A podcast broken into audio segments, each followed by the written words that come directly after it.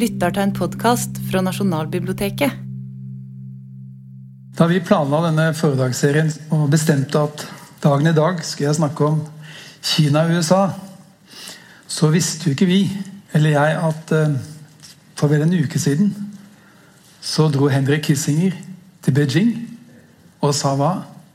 Jo, at det er fare for en krig mellom USA og Kina. Og at den krigen, sa han, den vil stille verdenskrigene i forrige århundre i skyggen. Det gjør i hvert fall ikke tematikken mindre aktuell. Det merkelige er jo at norsk presse nesten ikke har skrevet om det. Det kan jo ha sammenheng med at Norge akkurat nå sluttforhandler en frihandelsavtale. Altså et land på fem millioner mennesker sluttfører nå en frihandelsavtale med Kina. Det kan også ha noe med pressen generelt å gjøre. Altså, nå er jeg en av de som leser gjerne står for Mourinho, som har blitt ny trener i Tottenham. Men det har vært 90 oppslag om Mourinho, og ingen av Kissinger. Og da har vi et problem. For at Kissinger er jo ikke akkurat den som helst. Han er jo for det amerikanske århundret det Churchill var for det britiske. Altså det vil si, Han har vært overalt. Og har vært med på alt, virker det som.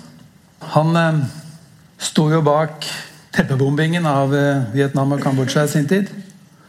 Det er nå blitt helt klart at han sto bak kuppet i Chile og drapet på Allende. Men han fikk jo også Nobelprisen samme år. Og da sa jeg Tom Lehrer at den politiske satiren er død. Han kunne ikke komme på noe mer absurd. Men det var jo før Obama fikk fredsprisen. Sånn at Kissinger har vært der. Eh, men han har også hatt en veldig viktig rolle vis-à-vis Kina.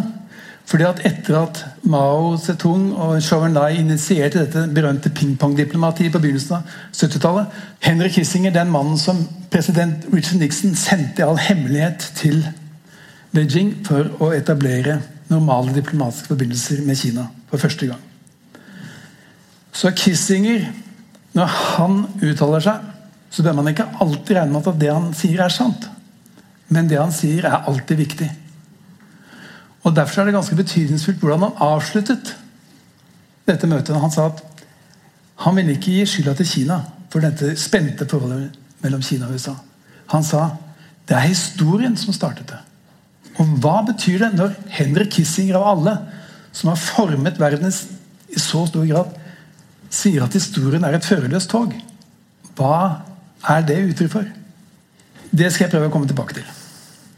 Samtidig så Når det gjelder Kina eh, I sommer så satt jeg på et hotellbalkong og så ut av Rhinen. Dette var akkurat urinen, og der rorelva kommer ut fra industrielle ror i Tyskland. Altså i Duisburg altså Duisburg er jo, sier jo selv i hvert fall at det er verdens største innlandshavn. Og det spilte en veldig viktig rolle i den tyske industrielle revolusjonen på 1800-tallet. Men mens jeg satt der på balkongen, så leste jeg noe jeg ikke ante om. Og det var at president Xi i Kina hadde vært der året før og sagt at Duisburg, altså i midten av Europa, Europas største innlandshavn, at det skulle bli endestasjonen på det nye belte- og veiprosjektet til Kina. Det er historisk symbolsk. Altså Det er vingesus over den beslutningen. Særlig da når vi vet at de samtidig har kjøpt opp havna i i Aten, som jo er den greske altså vestlige sivilisasjons vugge, så å si, med Hellas og Grekland. og sånt, sånn at Hvis det er sånn at kineserne er historisk bevisst, så har de i hvert fall gjort disse valgene med omhu. Det er ikke sikkert at de har gjort det med bevissthet, enn med, med en klar politisk idé, men allikevel interessant er den.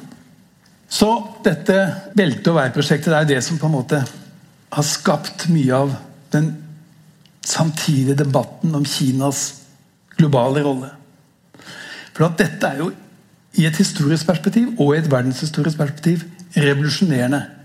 Jeg snakket, da jeg snakket om Ming-dynastiet, så snakket jeg om at keiserne der avsluttet disse ekspedisjonene som kineserne hadde hatt under Hø. ikke sant? Altså med ekspedisjoner med 27 000 sjømenn som dro fra Kina til Øst-Afrika-kysten. Men det ble avsluttet på begynnelsen av 1400-tallet. 600 år etter. For første gang spiller Kina en sånn global rolle med hensyn til handelsmønstre. Så mitt prosjekt nå da, i dag det er altså å prøve å kaste lys eller stille spørsmål i hvilken grad kan de lange linjers historie bidra til å forstå og forklare utviklingen av forholdene med Kina og India, sånn som vi ser det nå.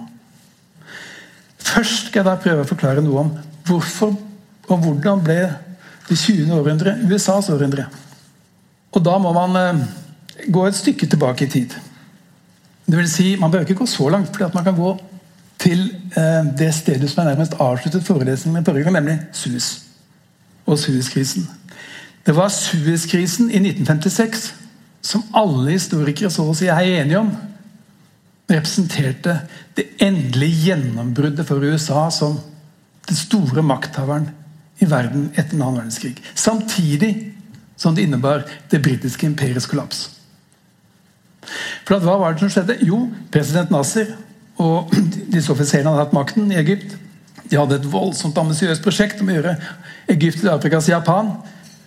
Forutsetningene på det til det var at de skulle bygge en ny dam ved Nilen som het Nye Aswan-dammen, som skulle gjøre det mulig å elektrifisere hele Egypt og skape grunnlag for tre dyrkingssesonger over hele landet. Dette var det nye Egypts store store prosjekt. Og Det var også det første bistandsprosjektet Verdensbanken, nei, verdenshistorien som Verdensbanken sto bak. fordi at De gikk inn med full tyngde for å støtte finansieringen til dette prosjektet som da NASA kom opp med på begynnelsen av 50-tallet. Samtidig som at den amerikanske regjeringen under Eisenhower og Foster Dulles som utenriksminister, og britene, først under Churchill, senere under Anthony Eden, også støttet. Altså Dette var et samlet vestlig verden som sa at ja, dette er et fenomenalt prosjekt for Egypt. Dette vil gjøre Egypt til Afrikas Japan. Men så skjedde det noe i 56. 19. juli så innkalte John Foster Dulles Egypts utenriksminister til et møte i Washington og sa vi vil ikke finansiere dammen lenger. Det skapte så klart umiddelbart kaos i London, fordi at de skjønte at i dette øyeblikket så mistet britene fotfestet i Egypt. Fordi at fotfestet i Egypt hadde vært helt knyttet opp som jeg snakket om tidligere, til britenes langvarige posisjon som så å si the guardian of the Nile for Egypt. Når USA trakk seg ut, så var det ikke noe lenger noen rolle å spille for England, fordi at de var bankerott. Når Nasser fikk den beskjeden, så nasjonaliserte han Suezkanalen umiddelbart. Fordi at Han sa at det var ved å ta kontroll over Suezkanalen og skaffe seg de inntektene som sjøfarten gjennom Suezkanalen skapte. Med de inntektene skulle Egypt selv bygge Aswandammen. Hva gjorde så man i London? Jo, Anthony Eden, som da var blitt statsminister, han begynte å tenke ut masse rare forskjellige planer. Hva skal være alternativet? De visste jo at USA var veldig veldig kritisk til britenes rolle. De visste at USA ønsket at britene skulle bli svekket i hele Afrika og hele verden fordi at de var imot det imperiale systemet. Så han drev og vurderte ja, kanskje vi skal føre Nilen på avveier i Uganda. har jeg funnet ut selv, altså ved å lese forskjellige hemmelige kilder. De vurderte ja, hvis vi fører Nilen på avveier i Uganda, ville ikke da det bli mindre vann i Egypt? Ville ikke da egypterne begynne å sulte? Ville ikke da Nassers posisjon bli svekket? Kan vi på den måten gjenvinne vår posisjon? De fant ut at det ikke virket. Det gikk ikke. Vannet tok altfor lang tid. Hele verden ville vende seg mot britene for å bruke vannet på denne utrolig bestialske måten. Så de sa vi går til krig. Så franskmennene, engelskmennene og israelerne gikk derfor til krig mot Nasser i 1956 mot hans nasjonalisering av Suezkanalen. Og mens krigen pågikk, så sa amerikanerne nei. Amerikanerne stoppet det siste imperiale militære prosjektet fra britisk imperialisme. Og det var en utrolig ydmykende posisjon for det britiske imperiet å måtte pakke snippesken så å si, og innrømme at de hadde ingen, ingen mulighet til å forfølge sine imperiale ambisjoner. Det var USAs avgjørende trumf. Etter det var det helt klart at det britiske imperiet hadde, som Khrusjtsjov sa, de hadde hatt sitt siste uh, løvenbrøl, som han sa. Uh, deres tid var over. Amerikanernes tid var inne. Spørsmålet er hvordan har vi kommet dit? Husk på, som jeg snakket om forrige gang, Storbritannia var til da det største imperiet i verdenshistorien. Hadde 20 av verdens landmasser. Bare noen tiår tidligere. Nå feide amerikanerne dem av banen. Vel, Da må vi gå litt tilbake til historien. Fordi at Basisen her er jo selvsagt USAs utrolige økonomiske styrke. USA var jo opprinnelig et sted som ble etablert eh, av engelske settlere. Av eh, presbyterianere og andre eh, kristne minoriteter som ikke følte seg vel eh, hjemme i England. Folk med entreprenørvilje, med masse praktisk innsikt, med en plan om å skape et nytt samfunn i tråd med de beste prinsipper, så å si, i USA. Og veldig raskt begynte de å endre forholdet mellom menneske og natur i USA. Og veldig raskt begynte de å sette USA på en utviklingsvei som sannsynlig raskt førte til at USA ble verdens største økonomi. Sånn at dette var altså basert på en det var Den amerikanske selvstendighetskrigen var jo en krig mot Storbritannia. USA oppstår jo som land i krig mot Storbritannia. Det oppstår en slags antiimperialistisk aksjon mot Storbritannia. Og Samtidig så vedtok de i denne erklæringen hvor de sa at alle mennesker er født like. Samtidig som de som skrev denne erklæringen, hadde slaver. Så det var altså en stat som ble født i kamp mot europeisk imperialisme. På et grunnlag som var veldig revolusjonerende på det tidspunktet. Ideen om at alle mennesker er født like. Samtidig som de var basert på slavehold. Altså en dobbeltmoral eller en dobbeltstandard fra starten av, som det på mange måter går an å si at USA har båret med seg fram til i dag. Men forutsetningen for denne økonomiske veksten det var jo at USA fra naturens side var veldig gunstig stilt. Den industrielle revolusjonen i USA startet ja, startet på 1800-tallet, men den fikk særlig eh, fart i motoren utover på slutten av 1800-tallet. Den startet med vannkraft der, sånn som i England. Det heter jo Little England, eh, deler av østkysten av USA. Og her var området, og her var forutsetningen for å etablere bomullstekstilindustri etter mønster av England helt spesielt gode. Etter hvert så kom dampmaskinen og førte da til at USA og store deler av USA veldig raskt ble industrialisert.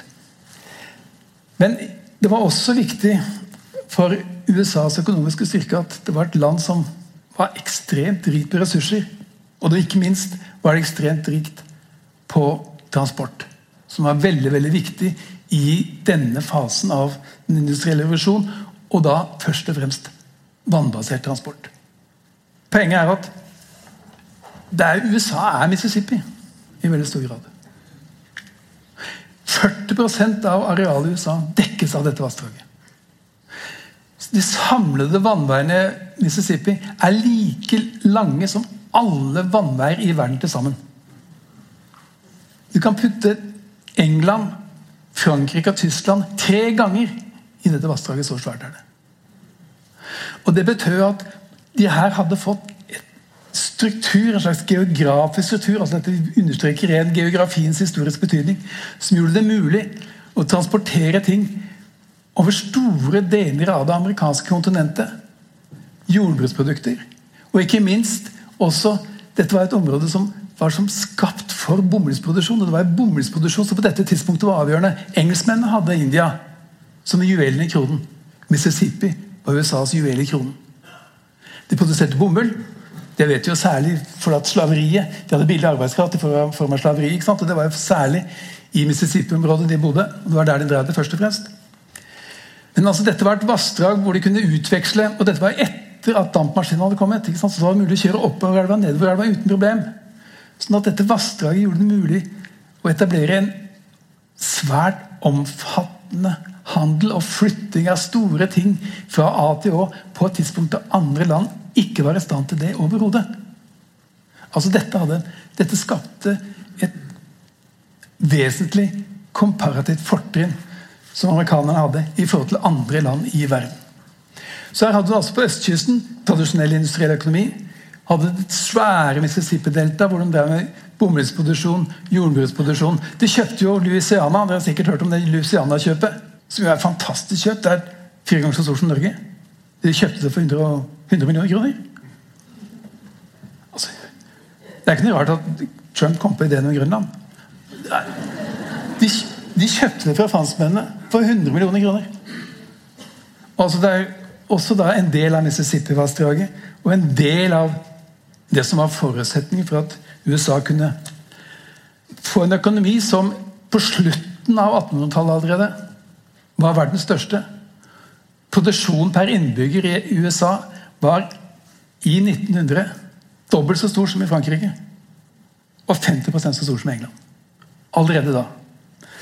For det var ikke bare sånn at de hadde østkysten som et industrielt kjerneområde.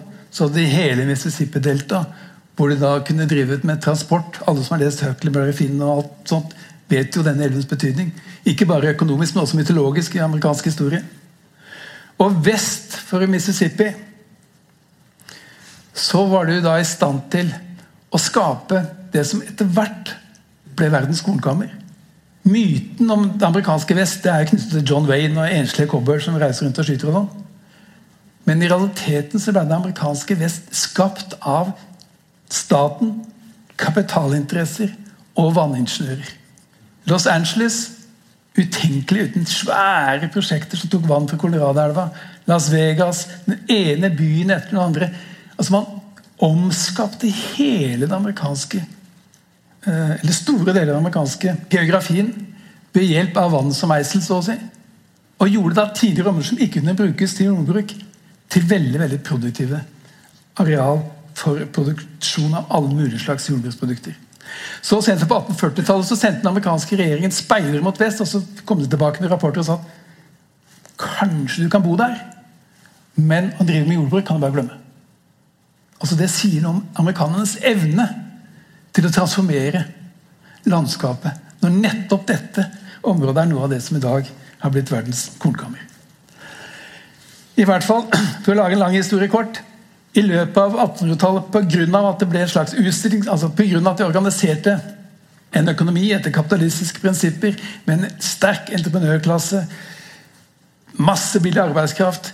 Ikke bare i form av slaveri, men i form av migrasjon, så klart. Det var jo et land for migrasjon. Det var jo så mye land i USA at de kunne tilby alle som kom dit, 650 mål. Gratis, så å si. De kunne leie det for fem år for nesten ingenting. Det er ikke så rart at folk dro fra Europa på slutten av 1800-tallet når dette var the opportunity. Sånn at Kombinasjonen av geografi, billig arbeidskraft, en kapitalistisk mentalitet førte da til at USA som sagt allerede på slutten av 1800-tallet var verdens ledende økonomi. Men det betød ingenting internasjonalt egentlig på det tidspunktet. Vel, De hadde vedtatt Monroe-doktrinen, som kanskje mange husker eller har hørt om. I 1823 så bestemte de at Latin-Amerika Hvis noen europeiske land kom dit, så ble det å oppfatte som et angrep på USA. Det var jo på en måte starten på at Latin-Amerika ble en slags bakgård for USA. De okkuperte Filippinene i 1898, sånn, men stort sett så var de opptatt av det som skjedde internt i USA, for at fortsatt var ekspansjonsmulighetene for økonomien veldig veldig stor innenfor dette gigantiske landet. Så det, det var først ved første verdenskrigs slutt at USA markerte seg som en globalpolitisk aktør. Først og fremst knyttet opp til Versailles-traktaten og Versailles-forhandlingene. For Hva var det som skjedde da? Og Dette er historisk veldig betydningsfullt, tror jeg. Jo, det var at Woodrow Wilson, som da var president, kom til Versailles og sa at det prinsippet som måtte gjelde, det var nasjonenes selvbestemmelsesrett. Og dette var jo en bombe under arken på det europeiske kolonisystemet allerede da. Amerikanerne skjønte jo allerede da at dette europeiske imperiale systemet det var et system som ville forhindre videre amerikansk ekspansjon globalt. Og Derfor så var de, på samme måte som Sovjetunionen på dette tidspunktet, for å understreke prinsippet om nasjonenes selvbestemmelsesrett. Dette fikk umiddelbar betydning i land som Kina. som jeg skal komme tilbake til. 4. mai-revolusjonen i Kina var jo egentlig et ektefødt barn av Woodrow Wilson og Versailles-forhandlingene. Det var jo med 4. mai-revolusjonen i 1919 at man for første gang i Kina begynte å bruke ordet demokrati. Det fantes jo ikke i det kinesiske språket. Nasjonal selvbestemmelsesrett var en ny idé i store deler av verden.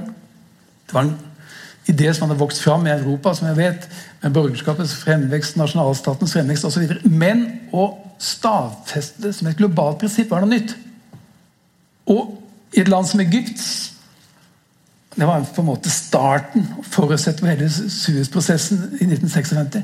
Det var jo at egypterne fikk ikke lov til å komme til Versailles og presentere sine krav overfor britene. Og Det skapte da masse demonstrasjoner i Egypt, og 1000 mennesker ble drept av britene osv. Altså, dette skapte nettopp den uroen som amerikanerne helt sikkert på forhånd var klar over at ville skape.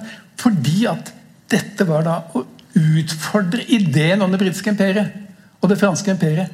Prinsippet om nasjonenes selvbestemmelsesrett er selvsagt ikke forenlig med en imperial verdensorden. Så må jeg da hoppe til den andre verdenskrig. For Hva var den andre verdenskrigen? Jo, det går an å se på den andre verdenskrigen som fire imperier som kriget mot hverandre. Det tyske, det japanske, det britiske og det franske. Og alle tapte som imperier. Etter den annen verdenskrig så var det ikke noe tysk imperie lenger. Det var ikke noe japansk imperie lenger. Det, franske, det fantes et fransk og det fantes et britisk. Men de to siste imperiene var bankrotte, selv om de hadde vunnet krigen. Det var én virkelig stor og sterk økonomisk makt i 1945, og det var USA. Sovjetunionen hadde også vunnet krigen. Men problemet med Sovjetunionen i forhold til USA det var jo at de hadde mistet 14% av befolkningen i krigen. 27 millioner mennesker døde. I USA døde det 400, altså, det døde 400 000 amerikanere. Det er mange, det. Men i forhold til 27 millioner er det selvsagt ingenting. Så Sovjetunionen var altså ekstremt svekket økonomisk med hensyn på arbeidskraft, med hensyn på alt mulig vis-à-vis USA etter en annen verdenskrig.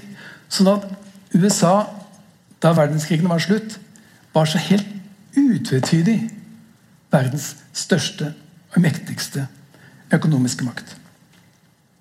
Så hva ble det amerikanernes strategi? For det første så hadde jo selvsagt en plan for å investere penger globalt. Du kunne ikke investere alle de pengene du hadde tjent på annen verdenskrig internt.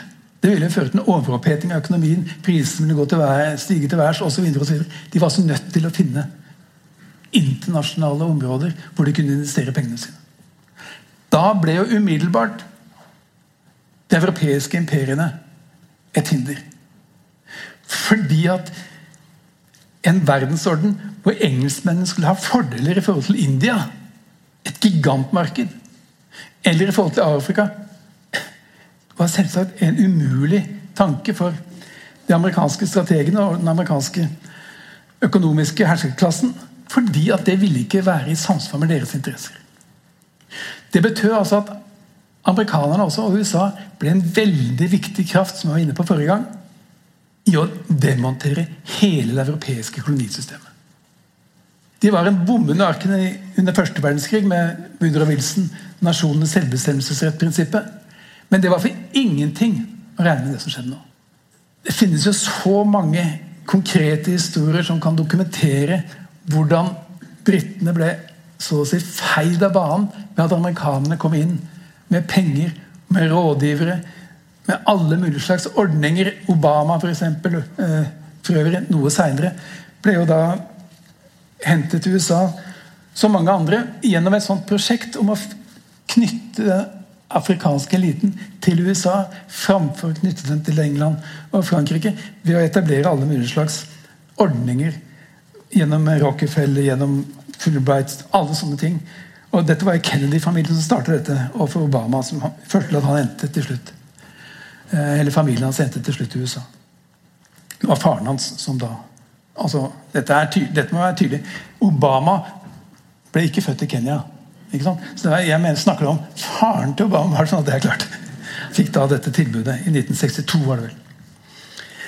Sånn at amerikanerne helt bevisst og til da Winston Churchills store frustrasjon undergravde det han da oppfattet som var et spesielt angloamerikansk relasjon. Hvordan kunne amerikanerne svike britene på den måten? Men den morsomste historien jeg kjenner til Eller morsom er den kanskje ikke. Eh, det var i 54, dette her, så Churchill var da statsminister, og han hadde bestemt seg for én ting. ikke sant? Han sa jo under krigen at det er én ting han ikke han ville være, det var å være sjef for the disintegration of the British Empire. Altså Det var liksom marerittet. Så han endte jo opp med å bli det. Og Dette så han tydelig i 54, for da kom John Foster Dulles, som da var utenriksminister. Han kom på statsbesøk til Egypt og møtte Nagib, som var den formelle presidenten. Nasser var sjefen. Og hva var det John Foster Dulles kom? Jo, han kom med en gave. Og det var en pistol. Og Churchill skjønte jo symbolverdien av dette. Egypt er i opprør mot britene. Britene prøver å undertrykke dette opprøret for alt hva det er verdt for å beholde makten ved Suez. Og så kommer amerikanerne og gir de presidenten en pistol. Han skjønte tegninga og gikk jo i taket. Men det hjalp ikke noe. Han kunne sende så mye brev han ville til Dwight, som han oppfattet som sin venn. Men amerikanerne bestemte. De var ikke interessert i britene i Egypt. Eller i India. Eller andre steder. De skulle ut. Så Derfor spilte altså amerikanerne en veldig, veldig, veldig viktig og etter min mening underspilt og underkjent rolle i bekjempelsen av det europeiske kolonisystemet. Så sent som krigen i Algerie, som jo Jean-Paul Sartre og Frans Fanon sånn skrev om som en genuin, kun nasjonal frigjøringskrig mot det franske imperiet. Det er nå nylig kommet ut bøker som viser at amerikanerne hadde en veldig sentral finger også med det spillet. Fordi at de Gaulles imperie i Nord-Afrika var selvsagt akkurat like anakronistisk sett fra deres synspunkt som det britiske imperiet var i India, eller hvor det nå skulle være. Sånn at det var altså det ene mål, det andre målet britene hadde. Det tredje målet britene hadde, var selvsagt å stoppe kommunismen. Eller Sovjetunionen. Som da representerte, sett fra den amerikanske økonomiske interessenes side, en konkurrent og en trussel. Fordi at dette var jo på et tidspunkt hvor de to blokkene så å si, kjempet om goodwill i verden som helhet. Så hvilke blokker som fikk tilgang til de ulike markedene og til de ulike landene, det var en kamp mellom to blokker, mellom to systemer. Og for amerikanerne så var dette selvsagt et økonomisk spørsmål, i tillegg til at det var da et politisk-ideologisk spørsmål. De var jo imot denne samfunnsmodellen så klart som eh, Sovjetunionen ble bygd opp etter. Og Poenget var, er jo at dette var en, etter min mening en strid mellom to land innenfor den vestlige sivilisasjonen. Altså Amerikanerne hadde sin versjon av hvordan man skulle utvikle samfunnet. Eh, formulert i form av forskjellige moderniseringsstrategier. ikke sant? Mens russerne hadde da en helt annen utviklingsstrategi som var basert på en annen europeisk tradisjon, nemlig den marxistiske. Og Disse to tradisjonene sto sterkt mot hverandre, men amerikanerne vant. Og amerikanerne var veldig veldig smarte. Det var ikke bare det at de hadde en sterkere økonomi. Men igjen to eksempler. Jeg har snakket om Aswandammen. Jeg kommer tilbake til den seinere Og det er fordi at den er viktig som da jeg sa Suezkanalen var på en måte vendepunktet. Og Aswandammen var et symbol på de alliansefriende landenes mulighet for å skape sin egen framtid. Og etter at amerikanerne trakk seg ut, hva gjorde de Nasser da? Jo, han gikk til russerne. Så russerne fikk nå kontrakten for å bygge denne dammen. Og dette skapte jo voldsom kritikk i USA mot den amerikanske regjeringen. Dere nektet Nasser støtte til dammen. Han nasjonaliserte kanalen. Og hvem er det som nå sitter ved kanalen? Jo, det er en som er alliert med Sovjetunionen. Hvor dum går det an å bli? Men så har jeg da lett litt i arkivene til John Foster Dulles i Princeton University. Og der skriver han Ta det med ro. Vi må tenke langsiktig. For hva er det som skjer? Jo, russerne, eller Sovjetunionen, påtar seg et ansvar for utviklinga av Egypt som vil være for store for dem til at de kan bære det ut fra ressursproblemet. Altså, De vil rett og slett måtte betale mer penger enn det de får igjen politisk. I tillegg så sa han at egypterne er sånn at etter en stund så vil de jage dem ut allikevel. Og hva var det som skjedde? I 1971 fikk russerne fyken. Et av de helt store nederlagene for Sovjetunionen i den ikke-europeiske verden. Et voldsomt prestisjenedlag på det tidspunktet. var det altså til dels forutsett av John Foster Dulles i 1957. Han sa det ikke høyt, så klart det kunne han ikke gjøre. Men det var hans analyse. Et annet jo, veldig interessant tilfelle det er hvordan amerikanerne var med på å lokke Sovjetunionen til å okkupere Afghanistan. Det er sikkert mange som kjenner denne historien nå, for den er velkjent. Men Brzezinski, som jo var sikkerhetspolitisk rådgiver for eh, Carter, han har etterpå sagt at hva var det vi gjorde? Jo, han ble nemlig kritisert for at amerikanerne og krigen i Afghanistan hadde ført til at det hadde blitt en oppblomstring av islamister rundt om i hele verden, særlig knyttet opp til Taliban. Men så sier Brzezinski at ja, men hva er noen talibaner i forhold til det å gravlegge det russiske eller Sovjetunionens imperie? Planen, eller den, det de hadde gjort, ifølge Brzezinski og ifølge mange andre, det var at de hadde begynt å støtte islamistiske grupperinger i Afghanistan for nettopp å lokke Sovjetunionen til å okkupere Afghanistan. Og Amerikanerne regnet da med at det ville være Sovjetunionens Vietnam, og at det ville være starten på sammenbruddet til Sovjetunionen. Det var Brzezinskis analyse da, og det er Brzezinskis analyse i ettertid. Poenget er at det er mange grunner til at Sovjetunionen eh, kollapset. Interne grunner, økonomiske grunner, politiske grunner. Det var et svært imperium med store motsetninger internt. Men det kan ikke være tvil om at konkurransen fra USA var helt avgjørende. Både på det politiske området og på det økonomiske området. Og at Reagan startet rustningskappløpet og drev det så langt at Gorbatsjov og russerne ikke klarte å følge med, osv. Men i tillegg så var det altså smartness av første rang. Og Derfor ble det litt interessant med Kissinger, som sier historie. Det er historien som skaper. Han vet jo alt dette. Han vet at historien ikke er et førerløst tog. Men altså Amerikanerne etter annen verdenskrig var den dominerende makten. Eh, økonomisk, politisk. Hadde en klar strategi. Frihandel. Demontere, svekke det europeiske kolonisystemet. Bekjempe Sovjetunionen og deres allierte. Og hva var det de gjorde? Jo, de etablerte jo uhyre raskt et fantastisk ny verdensorden. Sett fra amerikanernes side, og sett fra mange andres synspunkt også. 1944, Bretton Wood. De etablerte Verdensbanken. Pengefondet. En ny måte å organisere valuta, transaksjoner og internasjonal handel på. Som selvsagt var i samsvar med amerikanernes interesser. Kanes, den gamle britiske økonomien, økonomen, var jo med på dette. Han, han kom til uh, Bretton Woods, som er en liten by i USA, med det forslaget om at nå skulle vi ha en ny valuta. For han ville ikke ha dollar som valuta. Ja, Pundet var jo selvsagt umulig å foreslå i 1944. Det hadde jo vært den gamle valutaen, men den var død, begravd. Så han kom da mm, Kan vi ikke prøve en, eh, en slags fri valuta? Amerikanerne avfeide det totalt. Dollar skal være valuta. Knyttet opp til gull. Amerikanerne fikk det selvsagt som de ville. Britene var som sagt bankrotte. Britene var så bankrotte at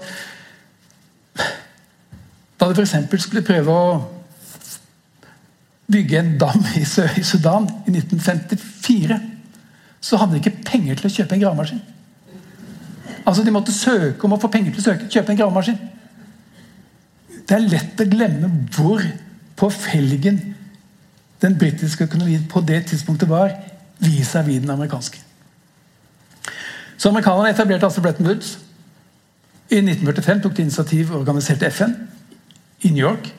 I 1947 kom Truman-doktrinen, som var hva da? Jo, en lovnad fra USAs side om at de skulle støtte demokratiske land mot autoritære kommunistiske interesser. Først og fremst mot Sovjetunionen, så klart. Samme år ble CIA organisert. I 1948 kom Marshall-hjelpen, som jo innebar at Europa veldig raskt kom på fote etter den annen verdenskrig. Det er, slags, det er for, for invitert imperialisme, som Lundestad øh, formulerte. Altså at Europa var veldig, veldig for at dette altså Vest-Europa, at dette hjelpetiltaket fra USA kom fordi at det hjalp dem økonomisk med foto, og også fordi det er klart at det bidro til å svekke grunnlaget for eh, propaganda, som det da ble hevdet det var, fra Sovjetunionen og fra Øst-Europa. Østblokklandene. Samme år sto amerikanerne bak menneskerettighetserklæringen. Mange sier at det var andre land som sto bak, men det var, det var Roosevelt og det var folk som amerikanerne eh, hadde veldig veldig gode forhold til, som sto bak denne universelle erklæringen om menneskerettigheter. Fordi at det var en form for universalisme som var helt i samsvar med den måten som amerikanerne ønsket å framstå i verden, nemlig som organisator av så å si en helt ny universell sivilisasjon med universelle verdier som besto for nærmest historiens egen mening. Fordi at det var dette som var det optimale måte å organisere samfunnet på. I 1949 kom Nato. Og i 1949 kom også Point Four-deklarasjonen til president Truman, som var en slags global parallell til Marshallhjelpen i Europa. Ideen var at nå skulle verden trekkes med i utviklingsprosessene. Altså Dette var hjelp til det som da ble kalt underutviklede områder. Dette var starten på det internasjonale bistandssystemet. Så i løpet av veldig få år sant, reflekter litt over disse helt fundamentale internasjonale institusjonene som ble etablert det ene året etter det andre i løpet av De hadde ikke vært der før. Og amerikanerne sto bak alt. Og Det hadde aldri blitt noe hadde det ikke vært for amerikanerne.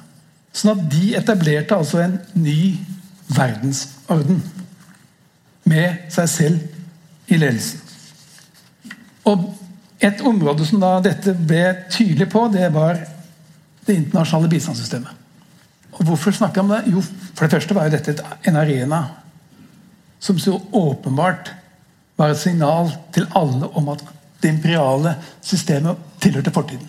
For at her var jo selve grunnideen at stater skulle gi noe av sitt overskudd til andre land, selvstendige, frie land, for at de skulle kunne utvikles sånn som de landene som gir penger, har blitt. Altså i prinsippet, retorisk sett, en helt likeverdig relasjon, selv om den var basert på et system for statlig filantropi. Men altså, det kan ikke sammenlignes med kolonialisme og imperialismen. ikke sant? Til den europeiske staten, sånn som hadde vært dominerende bare noen tiår tidligere. Og det ble båret fram av denne amerikanske universalismen, som jeg sa. Altså menneskerettighetene som var universelle. Dette var jo noe som for frustrerte Vincent Churchill veldig mye. For var, Han sa jo at menneskerettighetene er jo ikke universelle. Han sa det som nå har skjedd, er at Vesten har satt sine verdier på tronen. Det er det som er realiteten. For at Disse ideene er jo ideer som oppsto i Europa på 1800-tallet om individenes rettigheter overfor staten. Altså En helt fremmed tanke i det konfusianske Kina, eller det hinduistiske India eller det islamske Irak. altså En helt ny tanke. Den, den kommer fra Europa. Og Det var disse ideene det britiske imperiet var med på ifølge Churchill, å spre. Dette var en del av deres siviliserende misjon. Så han oppfattet dette som en frukt. Og han ville at det skulle oppfattet som en frukt av det, den britiske, historiske, imperiale perioden. Og som noe verden da kunne si var veldig positivt. Men amerikanerne vil ikke høre på det. De snakket om at dette var universelle verdier fordi at for å kunne vinne the hearts and minds av befolkningen rundt om i verden i de områdene som da ikke var en del verken av Nato eller av Warszawapakten, altså den store alliansefrie verden, ja, så måtte man ha et politisk-ideologisk program som nettopp distanserte seg fra den europeiske imperialismens tradisjoner. Og, med, og fra alt som hadde med det spesifikt europeiske å gjøre. Man var altså nødt til å universalisere den politiske ideologien av politiske hensiktsmessighetsgrunner. Og det hadde da en tenkning om utvikling som jeg da har vært inne på tidligere, som var at utvikling var samfunnets naturtilstand, og at det man nå skulle gjøre, det var know-how show-off, som var slagordet til bistanden i disse årene. Altså Man skulle rett og slett bare vise hvordan det skulle gjøres, så ville de andre komme etter. Dersom de fikk teknologi, og dersom de fikk penger. Og Dette igjen viste seg da å være et prosjekt som var veldig suksessfullt. Hvis man tenker ut ifra hva som er amerikanernes målsetting med det. Det bidrar til å underminere enhver legitimt forsvar av det europeiske koloniale systemet. Det bidrar til å undergrave ethvert forsøk også fra østblokklandene i å argumentere for sine verdier. fordi at Amerikanerne da si at nei, dette er ikke ordentlig universelle verdier. og sånt, Dette er mer eh, spesifikke verdier som er knyttet opp til historiske kontekster osv. Altså, det var en ideologi som viste seg veldig effektivt både når det gjaldt å svekke fundamentalt legitimiteten til enhver idé om en gjenoppvekking av det europeiske imperiet. I tillegg da til at, til at det var et system som førte til at også den kommunistiske fare, som det da ble betegnet som på det tidspunktet fra amerikanernes side, det ble svekket. Noe av de områdene som først og fremst fikk bistand, det var jo nettopp de områdene som lå i randsonen av Sovjetunionen og Kina. Sør-Korea. En av grunnene til at Sør-Korea ble Sør-Korea det Sør-Korea vi kjenner i dag, det er jo at amerikanerne pustet dollar på dem. Veldig tidlig. Det samme gjelder store deler av Taiwan. altså Disse asiatiske tigrene var jo land som amerikanerne først og fremst satset på i de første årene av sitt bistandsarbeid. Sånn at du kan si at bistand og det nye bistandssystemet det uttrykker et, en form for altså Den amerikanske makten over verden er jo mulig å kalle et imperium, bortsett fra at det er ikke det man bruker som begrep. Men i realiteten så var det jo amerikanerne som bestemte. Så det er fullt ut mulig, etter min mening, og som også mange andre historikere, å beskrive dette som et amerikansk imperium. Men et imperium av en helt ny type. Som ikke var kjennetegnet av at du hadde kolonier og man strev med direkte styre. Nei, det var et mye mer finurlig system som var mye mer komplekst, som besto av mange flere elementer. Bistand, militær kupp hvis det var nødvendig, militær styrke dersom det var nødvendig, eh, spredning av universelle menneskerettigheter, demokrati. Amerikanerne har historie bak en voldsom spredning av demokratiske samfunnsinstitusjoner rundt i verden, samtidig som det sto bak en rekke kupp i andre land. ikke sant? Sånn at Dette var altså et nytt form for imperium hvor bistandsrelasjonen må kunne forklares og forstås som en del av den amerikanske nyordningen av verden. Og Forrige gang som ble spurt om Norge hadde vært et koloniland, jeg svarte nei. Det ble, var aldri et koloniland sånn som England og Frankrike. Men kanskje Norge var en del av det amerikanske uformelle imperiet. Og i denne epoken ble et slags koloniland. Men da et koloniland som ikke var basert på forestillingen om at noen var rasemessig overlegne andre, at noen hadde en høyere kultur enn andre. Nei, tvert imot. Det var basert på forestillingen om at alle er like, og at de universelle verdiene skal gjelde. Så man kan jo si at I Sør-Sudan, der Norge var veldig tungt inne, det ble kalt Little Norway på folkemunne. Og de som bodde der, ble kalt Black Norwegians. Var det et slags eh, hjertekoloni for Norge. Under den amerikanske universalismens vinger. Eller hva var det for noe? Realiteten er jo at Norge hentet ikke akkurat profitt fra dette. Selv noen, noen anklagde Kirken Sør for å være der først og fremst for å hente gull. Men det tror jeg ikke på. Eh, jeg brukte mange, lang tid på å overbevise sørsjøvandrere før jeg jobbet her nede på at Kirken Nødhjelp nei, de var ikke her for å ta med seg gull. For alle trodde det. Eller veldig mange trodde det. Men poenget er at er det ikke mulig å, altså Hvordan skal man ellers forklare det? At Kirkens Nødhjelp via støtte fra den norske stat administrerte et stort område av Sør-Sudan som om det var staten. Er det ikke hensiktsmessig? Kan det være fruktbart å kalle det en slags ny form for hjertekoloni under den amerikanske universalismens vinger? Kanskje. Poenget er at Norge spilte jo en viktig rolle også i andre sammenhenger. ikke sant? De var med på å gjøre Sør-Sudan til en selvstendig stat etter at amerikanerne pøst penger til Norsk Folkehjelp, som igjen ga penger til geriljabevegelsen i Sør-Sudan. Norge var med på å fremme ideen om at Sør-Sudan skulle bli en selvstendig stat, med støtte av George W. Bush. Altså En del av den amerikanske utenrikspolitiske strategien, og Norge var med på å implementere den. Norge var med på å gjøre Eritrea til en selvstendig stat. Det var også Reagans politikk på det tidspunktet, fordi at man ønsket å svekke Etiopia av hensyn til Egypt. Kirkens Hjelp ga hjelp til Eritrea, støttet av Reagan og norske regjeringen og mange andre, som ble konvertert til våpen for den eritreiske frigjøringsbevegelsen. Men jeg tror også at Kirkens Nødhjelp i perioder i hvert fall, også faktisk et våpen. rett og slett. I tråd med hva som er amerikansk utenrikspolitikk. Altså USA hadde makten. er det som er og de var veldig veldig mektige. Og i dette systemet var Norge en liten aktør. Og kanskje man må se bistandsepoken i dette perspektivet også. I tillegg til alle andre, de, alle andre perspektiver som det også er mulig å se det i. Poenget er i hvert fall USA ble altså verdens mektigste makt. Og det er fullt ut mulig på dette grunnlaget å beskrive det 20. århundre etter den europeiske kolonialismens fall som USAs århundre.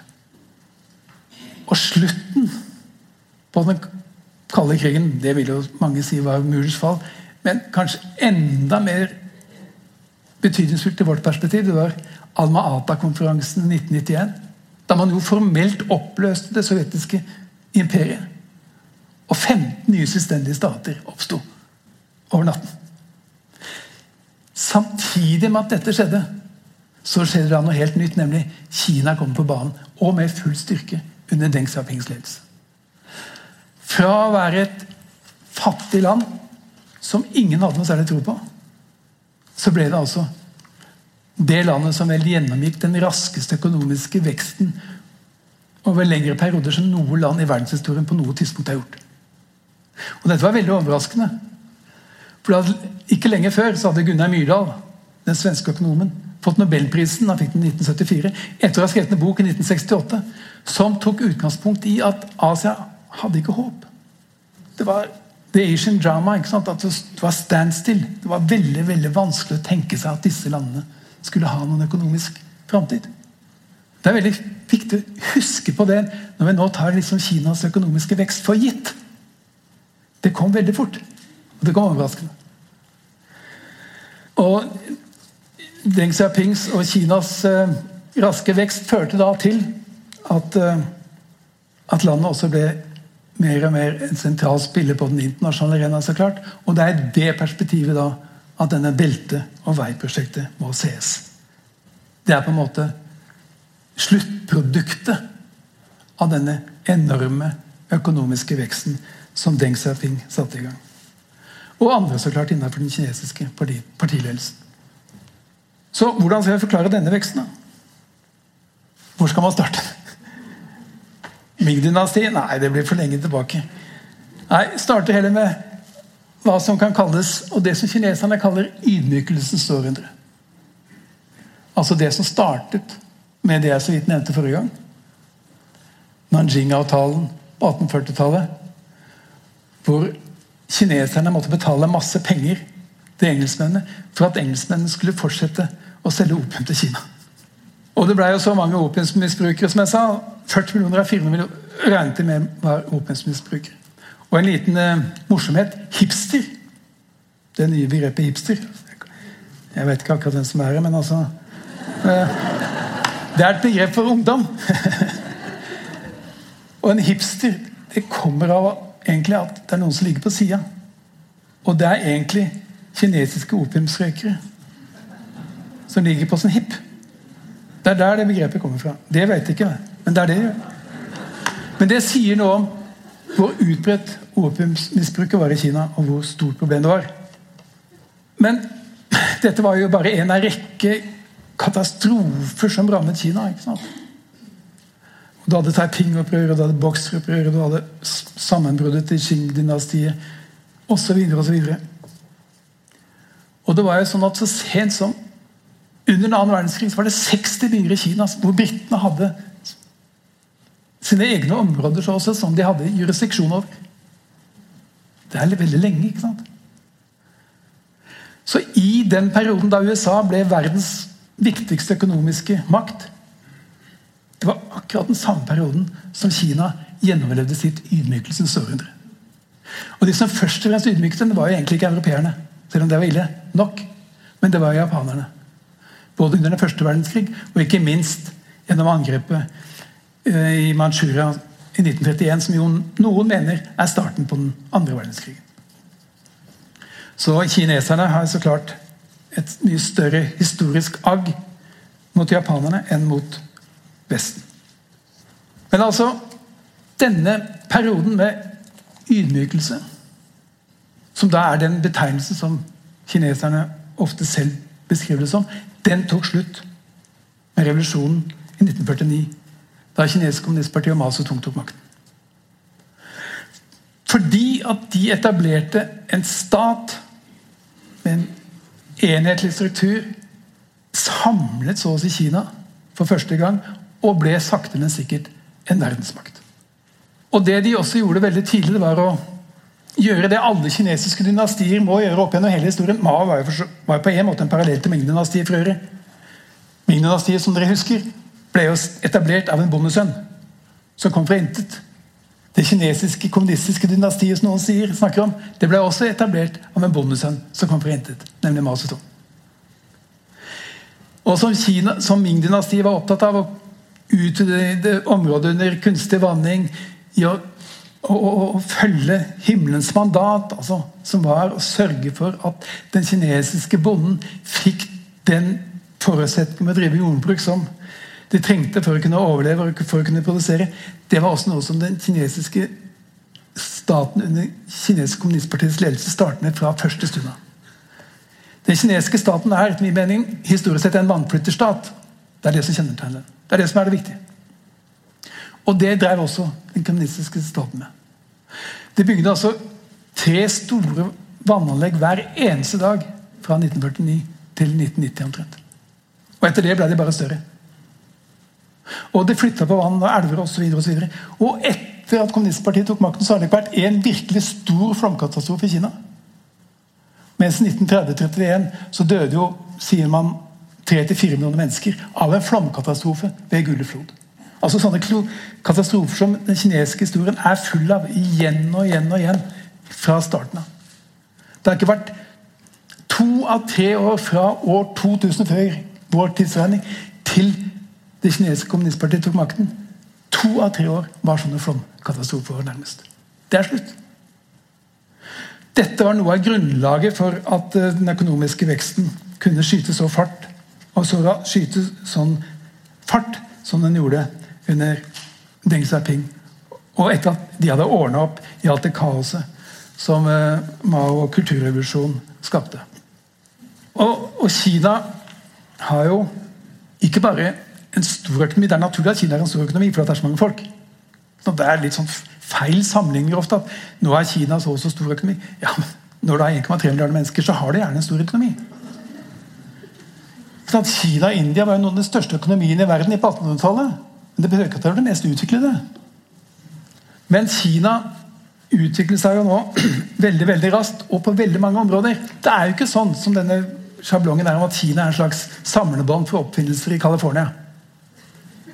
Det er det òg. Men kineserne er jo også det landet som etter USA leverer flest mulig patentsøknader i verden. Grunnen til at dette er litt vanskelig å forstå, det er at det har oppstått en slags myte om at teknologisk nydanning forutsetter frihet og individualisme og kapitalisme. Hadde det bare vært så vel. Men det er ikke sikkert det gjør det. For Hvor er det de beste tingene vi bruker, er funnet opp? Jo, det er jo det amerikanske forsvaret. Med mobiltelefonen, Internett Alt kommer fra det amerikanske forsvaret. Altså fra en organisasjon som er ekstremt hierarkisk. Og tenk på alle de oppfinnelsene som Sovjetunionen sto bak, også Nazi-Tyskland sto bak. Altså Ideen om at et autoritært styre, et autoritært land under et kommunistparti, ikke kan være innovative, det er en illusjon. Og jeg tror det kan være en kostbar illusjon hvis man tror at det i seg selv vil være en årsak til at Kina ikke lykkes i å økonomisk utvikle seg ytterligere. Så Kina har altså en svær økonomi. Det er på vei oppover. Innovativt.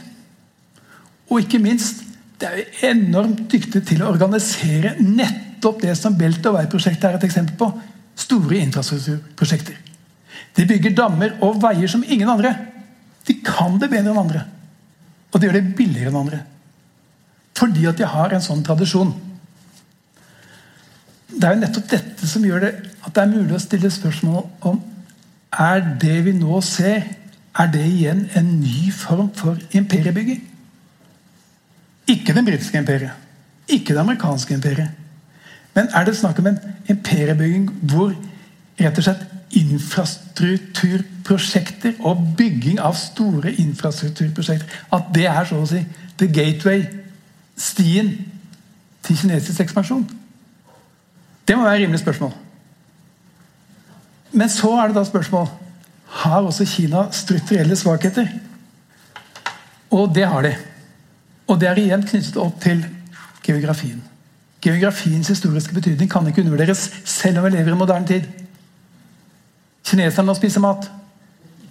Problemet i Kina er at 70 ganger flere folk er involvert i jordbruket enn i USA. Men de er halvparten av det dyrkbare arealet som er i USA.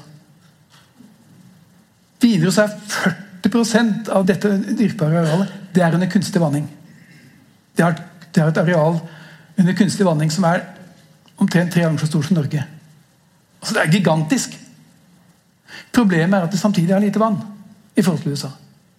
Det er 20% av befolkningen, 20% av vannet.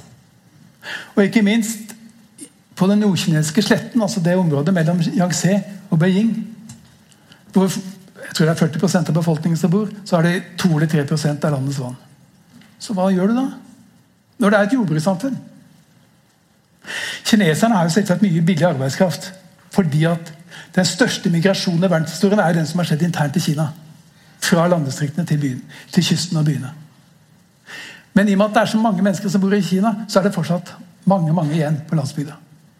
Og de driver jordbruk, og de krever da så klart å ha eh, et system som gjør det mulig å dyrke jorda, hvilket betyr vanntilgang. Og Dette er så viktig at det gikk historier om at CIA på 1990-tallet og på begynnelsen av 2000-tallet de fulgte med på grunnvannsstandens utvikling på den nordkinesiske sletten med akkurat like stor interesse som det sin tid fulgte med på troppeforflytninger i Sovjetunionen. For at de skjønte jo at dersom grunnvannstanden reduseres radikalt, ja, så rammer det jordbruksproduksjonen i Kina umiddelbart. Hvilket igjen betyr at Kina må enda mer ut på det internasjonale markedet for å kjøpe korn. Hvilket betyr at kornprisen vil øke. Hvilket betyr at sjansen for ustabilitet vil øke i mange land i verden. Det var CIAs analyse. Og den var rett.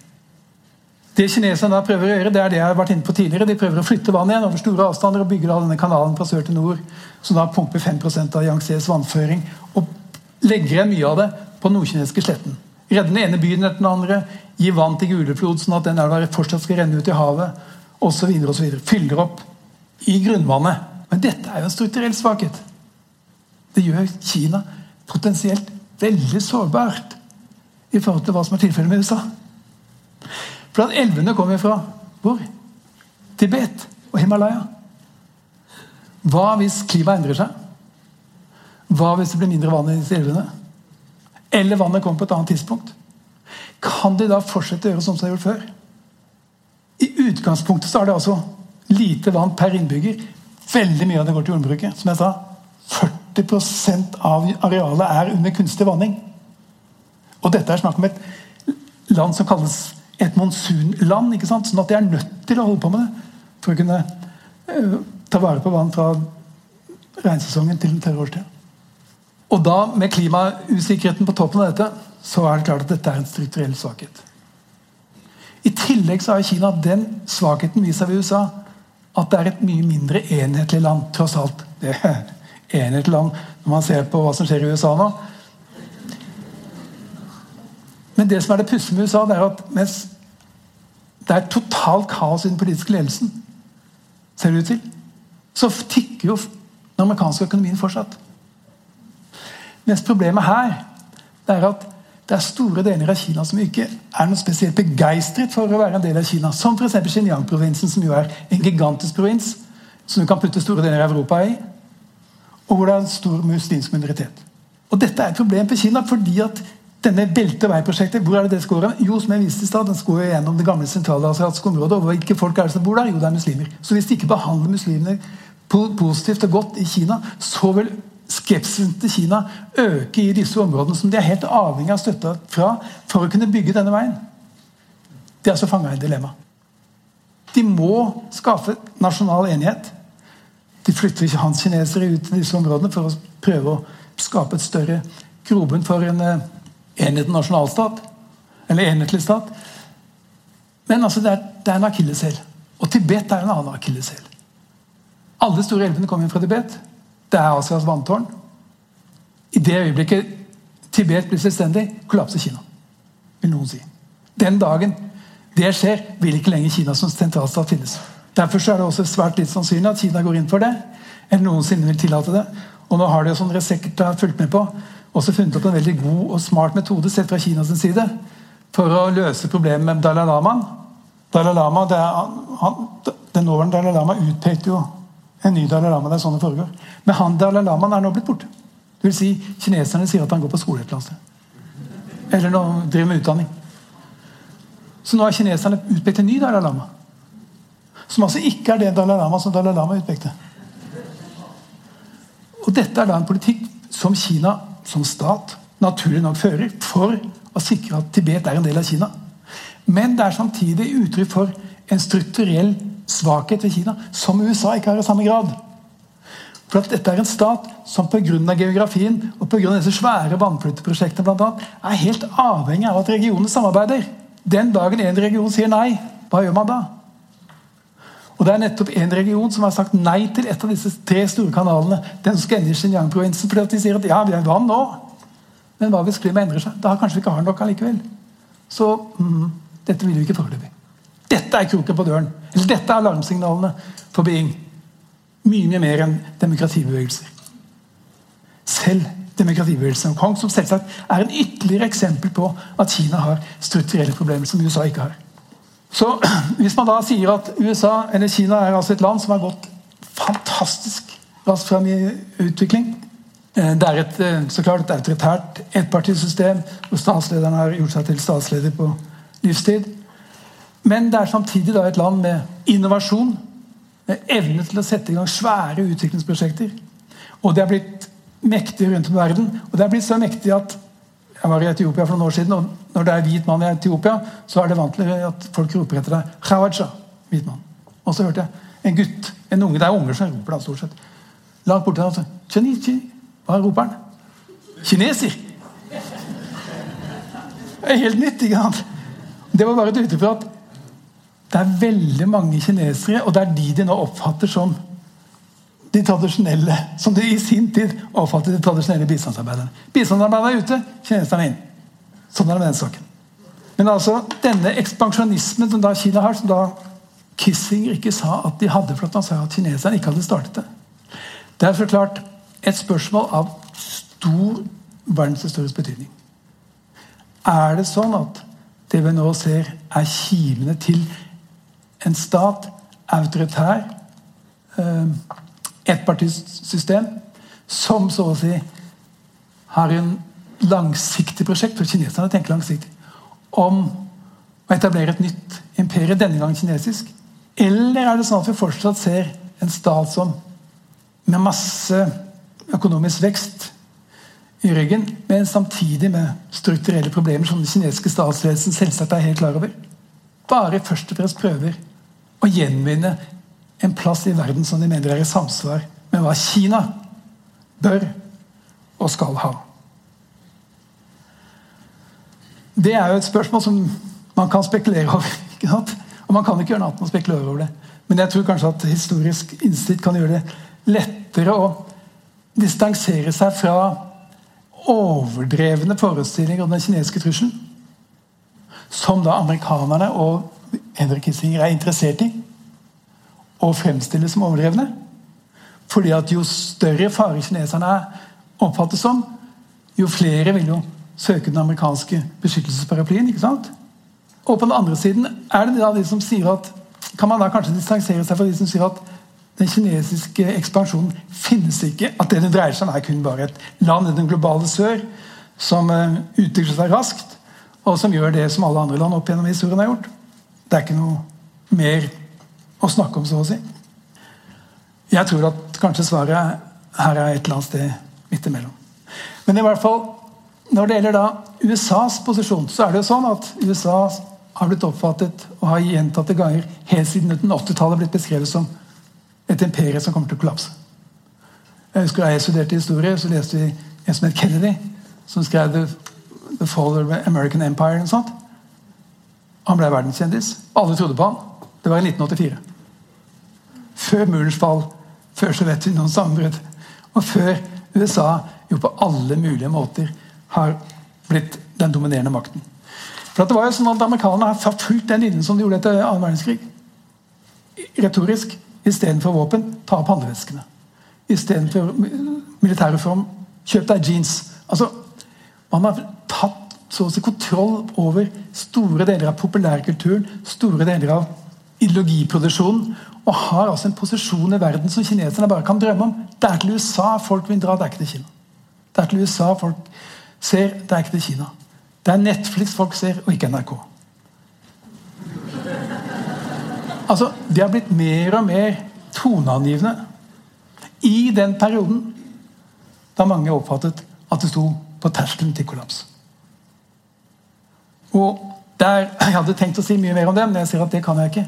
På grunn av tiden. Men jeg mener i hvert fall at forestillingen om at USA er um, så raskt på vei ned, den ser også bort ifra det faktumet at USA jo har militærbaser rundt om i verden, mens Kina har én, kanskje. Djibouti. Så det er klart at Her er det altså et styrkeforhold militært som er som dag og natt. Det heter jo at amerikanerne har 243 golfbaner for det militære rundt om verden. I tillegg til baser. Jeg tror ikke kineserne har noen golfbaner rundt verden. Altså, I hvert fall ikke for det militære. Sånn at det er en enormt stor styrkeforskjell. Og dette ser man da bevist igjen og igjen. For at jeg startet med Suez-krisen og Aswan-dammen. Og jeg vil slutte med renessansedammen i Egypt. Etiopia. For at hva var det som skjedde nå forrige uke? Alle vet at Etiopias statsminister fikk nobelprisen. Kanskje ikke alle vet at han dro tilbake og sa, som Anwar Sadat for øvrig i sin tid sa etter at han fikk nobelprisen, at Etiopia ville ikke nøle med å gå til krig for deres planer om å utnytte Nilen i Etiopia. Så det kan bare egypterne glemme om å stoppe. Så var det da forhandlinger mellom Egypt og Etiopia. Egypterne sier at det var stalemate, det kom ikke videre. Etioperne sier at det er helt feil. Men poenget er at egypterne brukte i hvert fall argumentet om at det var stalemate, og at Etiopias statsminister truet med krig, med å få amerikanerne på banen. Ikke kineserne. Kineserne har bygd dammer i Kina, bygd dammer i Etiopia. Amerikanerne har ikke bygd én. Men hvem er det de ber om å komme? Donald Trump. Det var møter for alle de fire, eller tre sentrale landene i Nidelvassdraget om denne dammen på Donald Trumps kontor i Det hvite hus for et par uker siden. Det er for meg et symbol om at på samme måte som amerikanerne bestemte under Suez-krisen selv om, selv om britene var sentrale, så er det fortsatt amerikanerne som bestemmer i dette området. Selv om altså kineserne er veldig sentrale. Og For øvrig så sa Trump at kanskje han kan uh, cut the ribbon. Altså åpne dammen. Det er litt avhengig av når dammen blir ferdig, og hvor lenge Trump sitter. Det er jo sånn at uh, Bismarck sa at Gud tar spesielt godt vare på barn, fylliker og USA. Når det gjelder barn, er det spørsmål, kanskje. Når det gjelder fylliker, så tror jeg heller ikke det er like godt hele tiden. Når det gjelder USA who knows? Takk for meg.